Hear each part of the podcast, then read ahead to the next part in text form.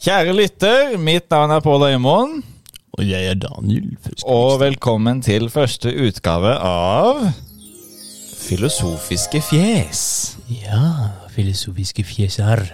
Filosofiske fjes er et segment, segment i, jeg kan snakke, i uh, Filosofifabrikki, hvor vi tar for oss en filosof, forteller litt om vedkommende. Ja, det er litt eh, slik en spalte i. Eh, der vi tar for oss en filosof, det som vi skal gjøre framover i ny og ne. Og denne gangen har vi Er det ingen ringere enn geiten over alle geiter. Eller er han det? Eller er han det? Aristotle. Aristotle. Aristoteles. Aristoteles, eller som han sier på fransk, Aristote. Eller som de sier på gresk, Aristotelis. Aristoteles. Aristotelis.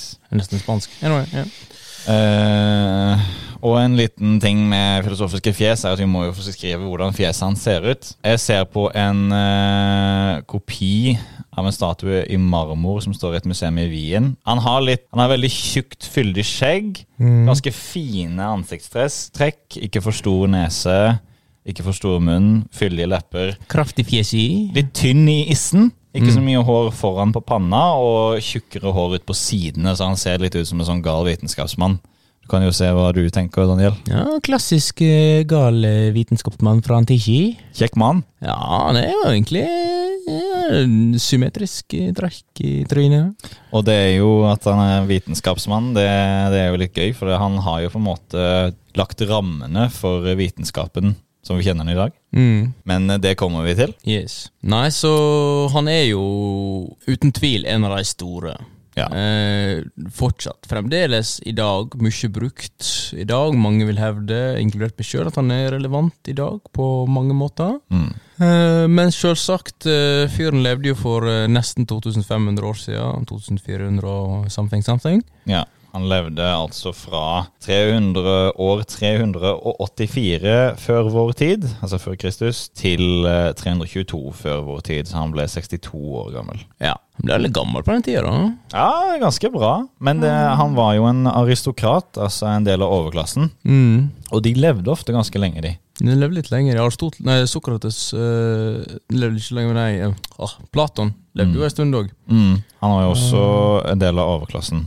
Men uh, selv om Aristoteles gikk i lære hos Platon i Aten, Mm. så var jo ikke Aristoteles fra Aten. Nei. Han var fra Makedonia, Mm. nordregionen i Hellas, og spesifikt Tessaloniki, som er denne regionens hovedstad. Yes. Uh, men reiste ned til Aten, fordi det var jo der filosofien blomstret, og gikk Mm. i lære hos Platon. Ja. Og ble senere læremester til ingen ringere enn Alexander den store. Alexander den store. Det var jo på en måte han som skapte det bysantinske imperiet, som Mm. etter hvert ble det romerske imperiet. Ja, og han øh, erobra jo det som var del av deres eh, The Known World, kan Ja, du si. Alt Eh, rundt Middelhavet, egentlig.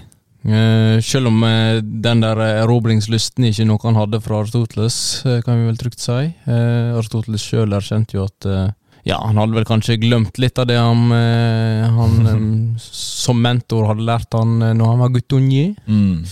Så han har gått vekk ifra det.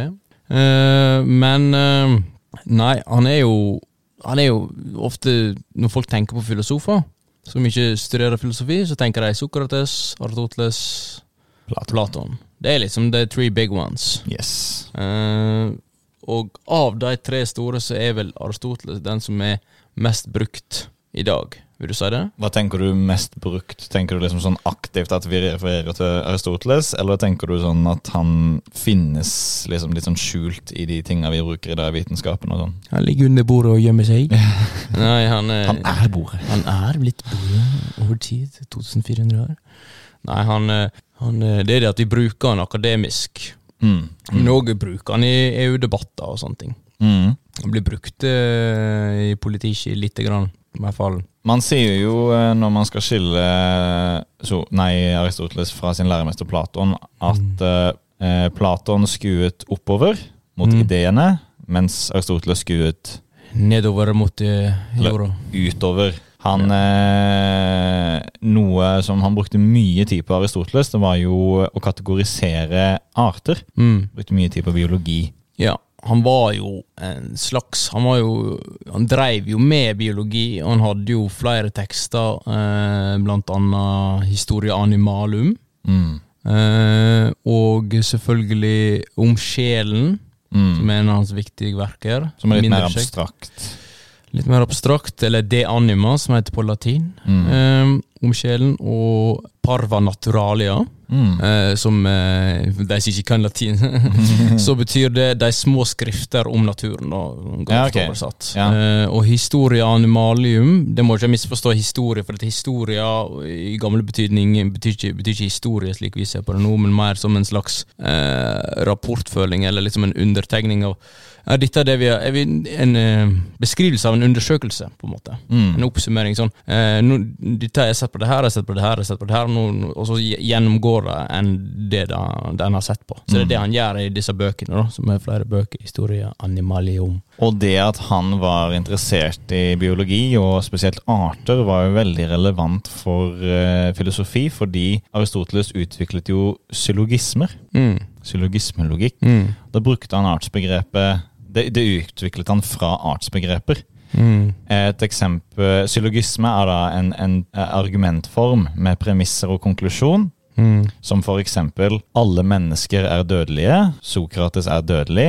Nei, Sokrates er menneske, derfor er Sokrates dødelig. Mm. Eh, og det følger, ikke sant? Mm. Eh, mens eh, Sokrates er et menneske, Sokrates er dødelig, alle mennesker er dødelig. Det følger ikke deduktivt. Nei. Så han, Aristoteles brukte liksom empirien og biologien og det, det her vitenskapelige måten å, å tilnærme seg verden på til Ja. å utvikle filosofi. Han studerte og dissekterte faktisk dyr, han med, og studentene sine dissekterte dyr, og han var en av de første til å legge merke til at eh, blekkspruten skifter farge av og til når den blir redd og sånne ting. Oi! Og eh, merka det at han hadde litt sånn kognitive apparater. Han var kanskje en av de første å, som begynte å erkjenne at dyr er mer intelligente enn en hadde trodd.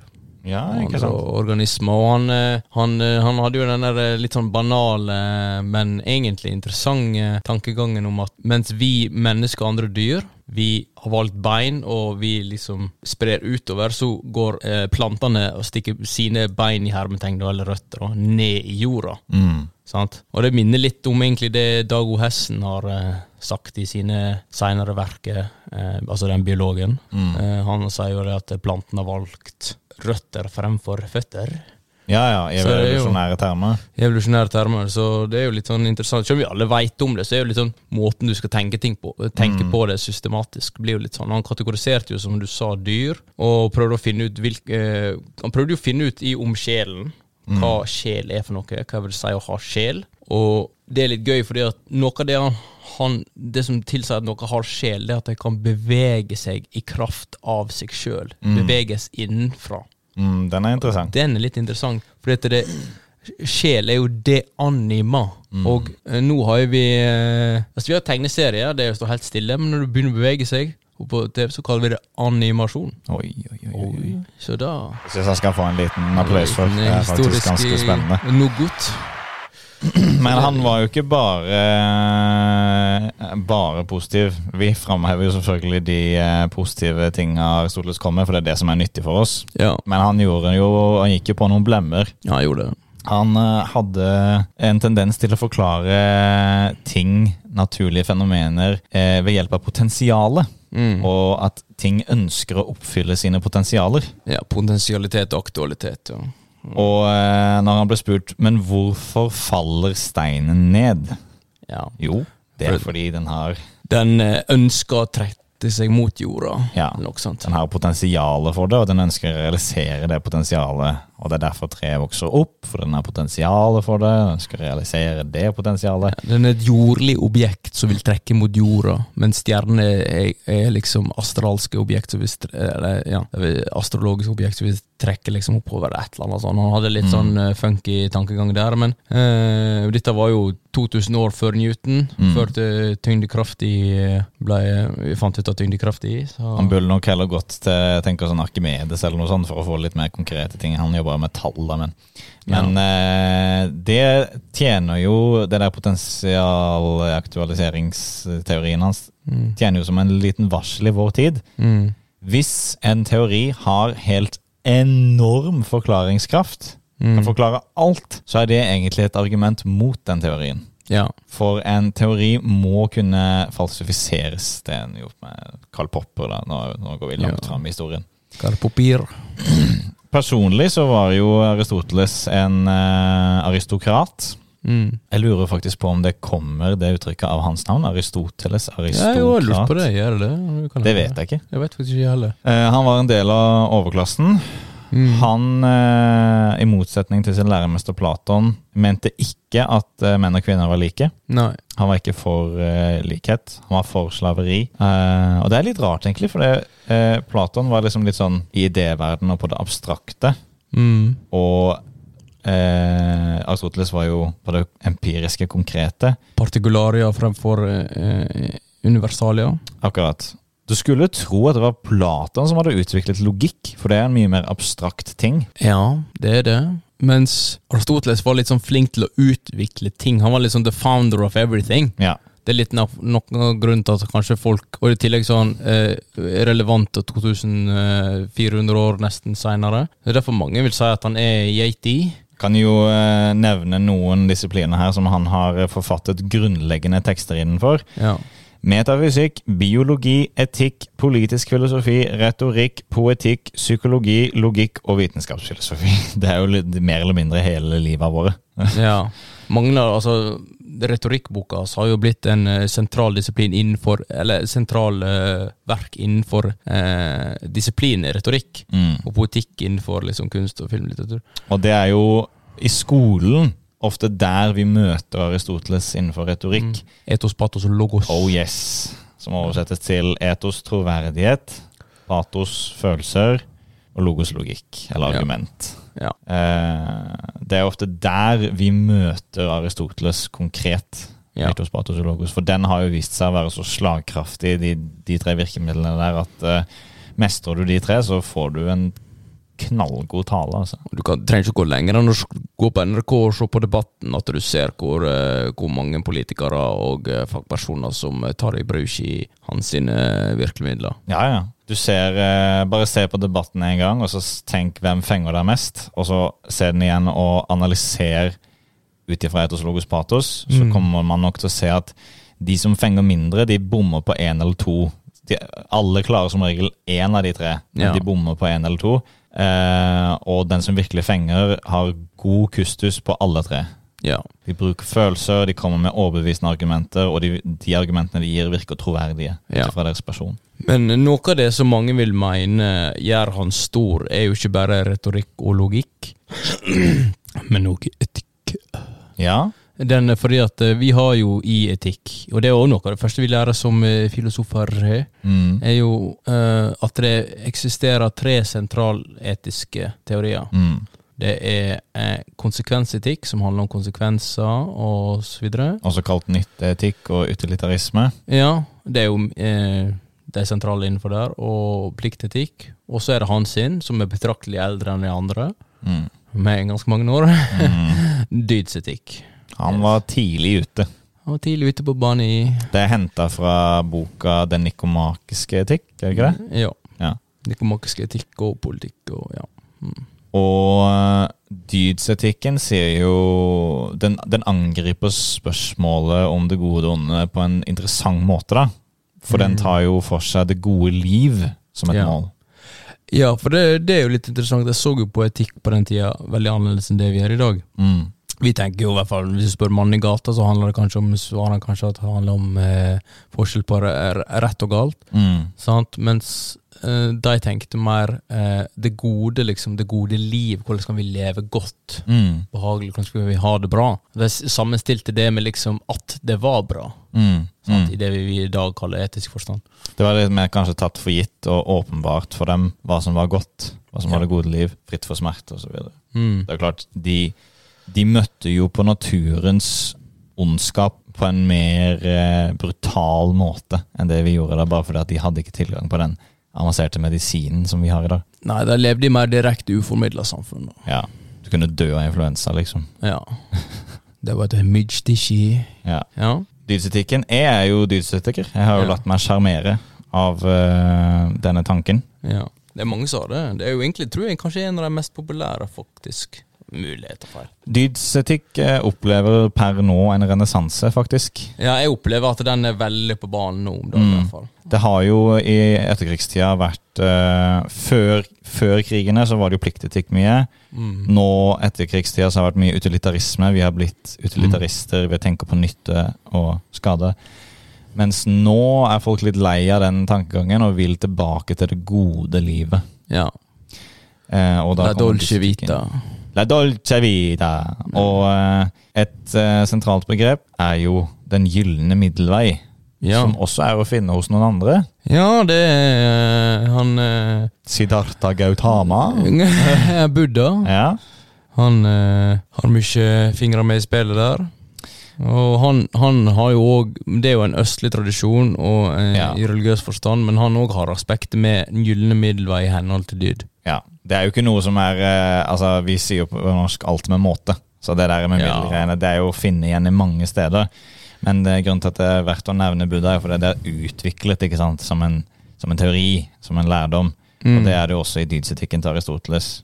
Og så er det velutvikla av han der eh, Altså, det er mer velutvikla av eh, de liksom elevene og liksom videre forløp, generasjonene, sånn som han der Vish Vashna Tonchain Jeg husker ikke hva han heter. Som Et eller annet Vishavanatan. Vishavanatan Anand. Nei, ikke han eh, sjakkspilleren eh, fra India, men eh, det er mange som heter Vishi Vashi. Men ah, som utvikla mer om den gylne middelveien, da, til okay. Buddha, for eksempel. Og- Det, det jeg liker veldig godt med Gyllen middelvei, da, er at den sier bare at alle dyder, med unntak av noen få, befinner seg i midten av to laster.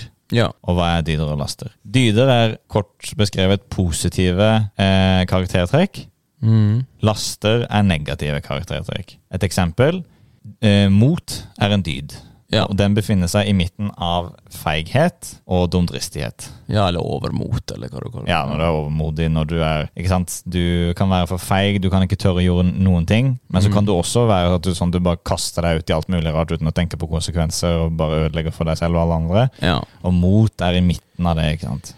Ja, og så er det noe mer i den middelveis tankegangen som jeg liker veldig godt, men jeg er ikke helt solgt på den. nå. Nei? Men uh, Kan du, kan du si litt om det? Hvorfor du ikke er sånn? Nei, for jeg er mer tilhenger av uh, den, å se på det Fordi det, det er litt den der eh, Det er ikke så black and white, slik jeg ser det. Mm. Det er ikke nødvendigvis sånn at eh, en middelvei som er gyllen La oss kalle det, for kan bare fortsatt kalle det middelvei for enkelhetens skyld. Mm. Har nødvendigvis to motpoler. Mm. Det kan ha tre, det kan ha fem, det kan ha 18. Mm. Så min, min måte å se det på, i hvert fall analogisk sett, er mer når du, når du treffer den, så er det mer som å, å, å treffe en blink på et mål. At det, du ser for Mm. deg Ja, en blink sant, med disse sirklene, at det er liksom mer Flere dimensjoner. midt- Ja, mer som et midtpunkt, på en måte. flere måter å bomme på. Flere måter å bomme på. Mm. Eh, også er det ikke nødvendigvis sånn at det At det er ett svar.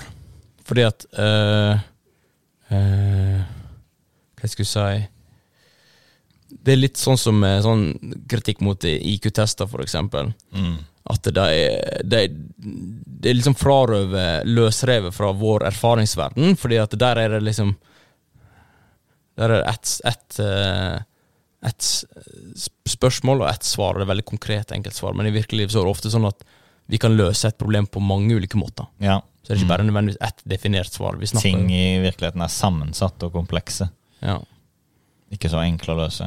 Nei. Og det er eh, din, eh, ditt, eh, din liksom pirk på eh, dydsetikk også? ja, det er mer en pirk det det er mer til det enn det, selvsagt. Eh, det er alltid mer å si om det, ikke sant. Mm. Men eh, det er jo den greia med at eh,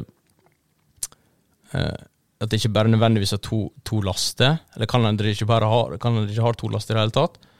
Eh, og så er det kanskje litt etter det skillet mellom eh, at det blander kanskje litt etter å leve godt framfor å At det er godt, at det er Mm. etisk, liksom. Mm. Det er ikke alltid de to er samstilt. Du må ikke ta for gitt at de alltid er et én-til-én-forhold. Det er jo det jeg liker med Aristoteles, at han er en veldig praktisk, ganske jordnær filosof. Ja.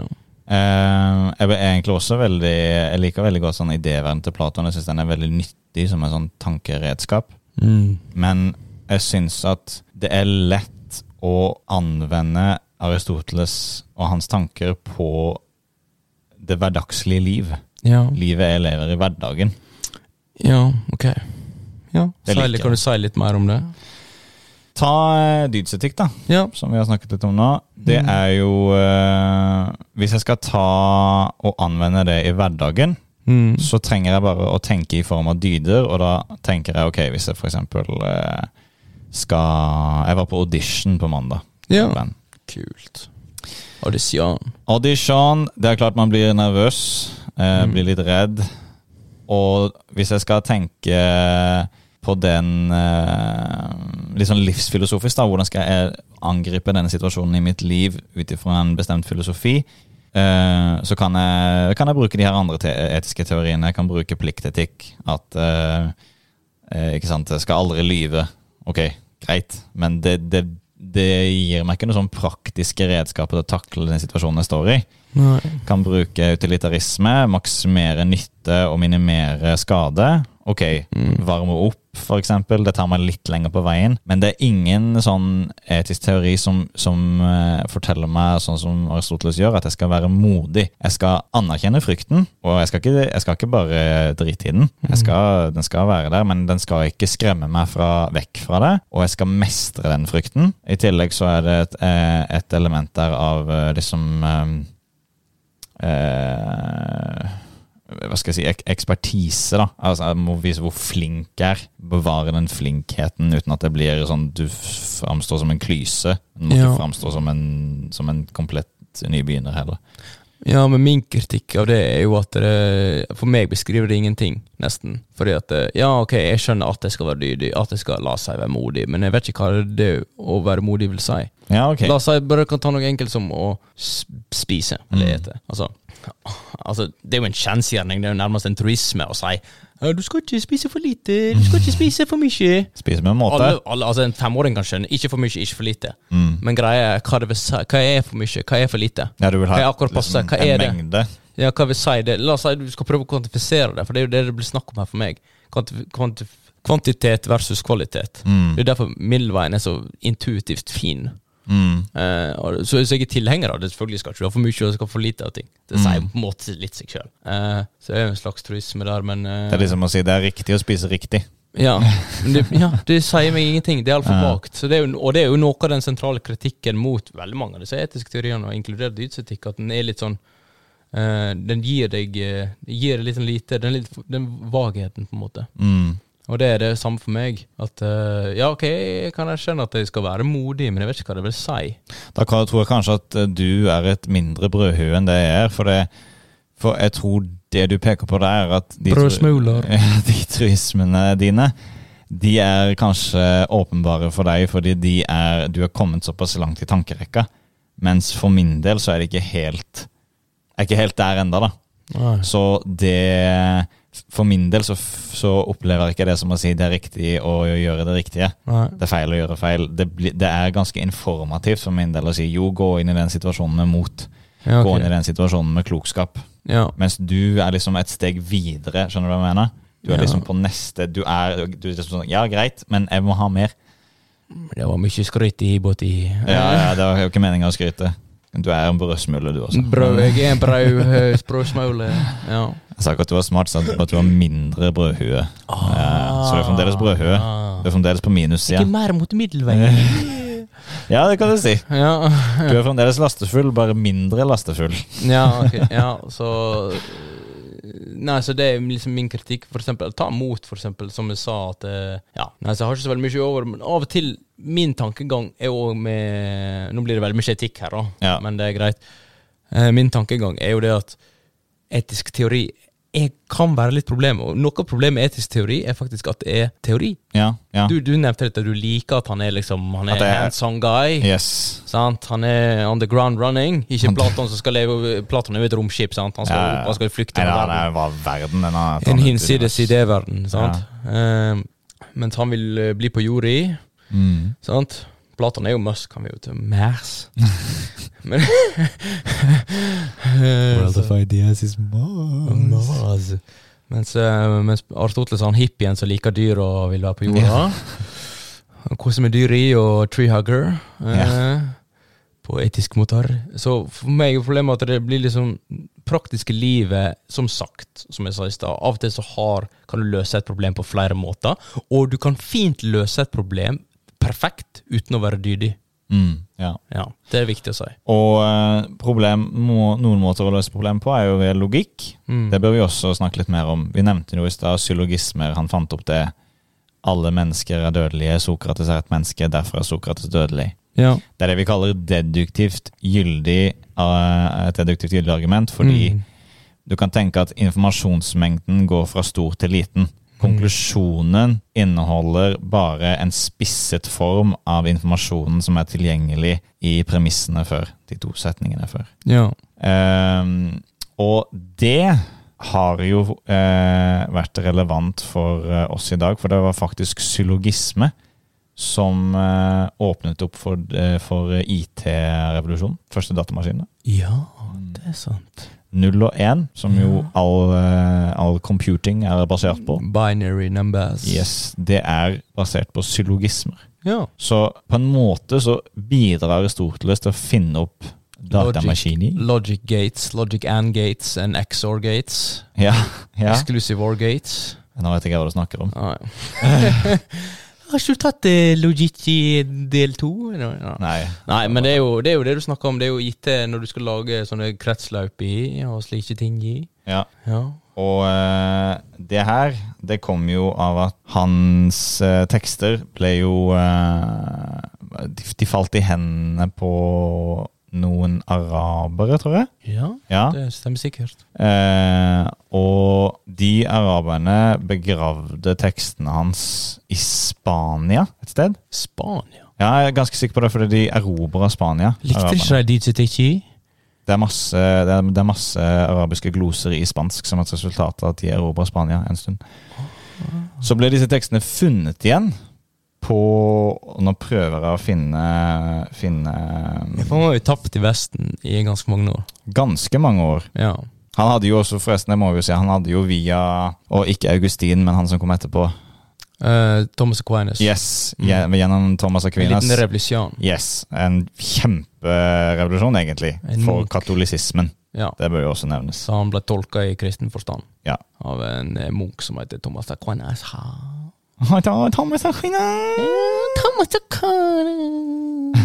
Nei, jeg kan ikke finne Jeg kan ikke finne det, faktisk. men det ble i hvert fall funnet. Og, og når de fant de tekstene, så startet den vitenskapelige revolusjonen. Ja. Man begynte å tenke empiri. Før det så var det jo mye sånn pseudovitenskap, f.eks. i medisin, at man trodde at alle sykdommer var skapt av ubalanse i kroppsvæsker. Så du måtte late blod, late tiss. ikke sant? Ja, eh, gall. Ja, ja. Det var jo Aristoteles som uh, Det var han som pusha det? fire Ja, det var, det var jo han som, han som bremsa det, men han, der bremsa han faktisk det medisinske litt seigeste, i hvert fall. Ja, ja. På grunn av dette aspektet med at det, eh, det, det eh, fire tinga det er eh, blod, eh, svart galle, og så sånn white shit, og så slim og noe sånt styr. Ja. Jeg husker ikke helt, altså Disse fire delene at du skulle Noen av dem var i ubalanse, derfor måtte du miste litt blod. Du måtte miste litt sånn Det var- varte jo i Vesten etter den der at vi hadde funnet hans verke. Mm. Varte jo det ganske lenge. Det var jo, det var jo standard practice for a long while. Mm. Sant? Eh, andre ting som vi eh, kjenner, er jo essens. Er jo noe som han kommer med. Mm. Det femte elementet. Du hadde jo ild, jord, vann og vind. Og han fant opp essens. På engelsk så sier man jo essentially, eller quint essentially. Og quint er jo latin for fem. Det Mm. femte elementet er essens. Og det brukes så mye i sånn litteratur. Det er litt Fifth kult. element, ja. Fifth element. Ja, noen mystiske greier. Ifølge det periodiske system så er det jo litt flere elementer enn fem. Men det får vi bare la gli. Ja, Han nevner jo også, snakker jo om det fem sansene. Ja. Og det er jo vi, vi Er det han som kommer med det? Det er jeg litt usikker på. Det er et godt spørsmål. Nå er ikke jeg historiker. Nei. Men han nevner de fem sansene ganske hyppig. I hvert fall i, uh, i uh, Jeg tror i hvert fall i Paranaturalia og i De Anima. Mm. Uh, og så greier jo det at vi tenkte Vi har jo mye mer enn fem sanser. Mm. Mm. ja, I hvert fall ti. Ja. Og, men vi har jo lenge tenkt Det var jo sånn barnelærer. Husker jeg lærte det. Vi har fem sanser. Lukt, berøring, smak. Altså, Mm. sant? Hørsel osv. Så, videre. så det var det jeg ble lært opp på, i hvert fall jeg på barneskolen. Sant? Fant ikke ut for lenge etterpå. Mm. Så det er jo litt sånn gammel, eh, gammel god klassisk lære, Mm. som egentlig er feil. Men det er veldig sånn, det liker man, er at det er veldig tilgjengelig, da. Mm. De fem sansene, at han nevner de, det er jo fordi at det er de sansene som på en måte vi bruker til å navigere verden umiddelbart med. Vi har jo også en sans propriosepsjon, eller selvfølelse, hvor hvis du lukker øynene, så vet du allikevel hvor alle hvor hendene dine er. ja. Ja. Special reasoning shit. Ja. Eh, men det er ikke noe som er umiddelbart åpenbart for deg. Metthetsfølelse òg. Ja, ikke sant? Det er ikke en berøringsfans, for det er ikke, handler ikke om berøring. Så det er, eh, det er mye, mye rart. Mye rart. Mye rart. Men da er spørsmålet, Daniel Er Aristoteles the goat, the greatest of all time? Geiti. Geita. Yeitibushi. eh, jeg vil si eh, Først så jeg, Min tanke er først, det jeg kan si først, at jeg tror, jeg tror hvis du skulle spurt eh, en del filosofer, så ville mange sagt ja på det. Mm. Det tror jeg. Det er Mm. først, og jeg tror Selv om ikke alt han sa var gull, og noe har blitt utdatert, så tror jeg likevel at hvis du tenker på en filosof som et enkeltindivid i historien, og du tenker på ens innflytelse og ens relevans og ens tidløshet, og hvor universelt gjeldende mye av det som blir sagt, er, Mm. stor prosentandel, originalitet osv., så, videre, så vil jeg si han er Av de grunnene så er jeg egentlig helt enig med det. Ja. Ja. eh, Jeg, jeg er litt sånn uenig med spørsmålet. Jeg syns ikke det er så veldig hjelpsomt. Nei. Han er ikke min favoritt, men Nei, han, min er, eh, han er uh, the goat av de grunnene du sa. Han er i hvert fall min topp fem, i hvert fall. Ja. Mm. Og med det så sier vi tusen takk for at du lytter på denne første utgaven av Filosofiske fjes. Mitt navn er Pål Øymoen. Vi er Daniel Førskbuksen. Ha det bra, og vi ses snart. Filosofi.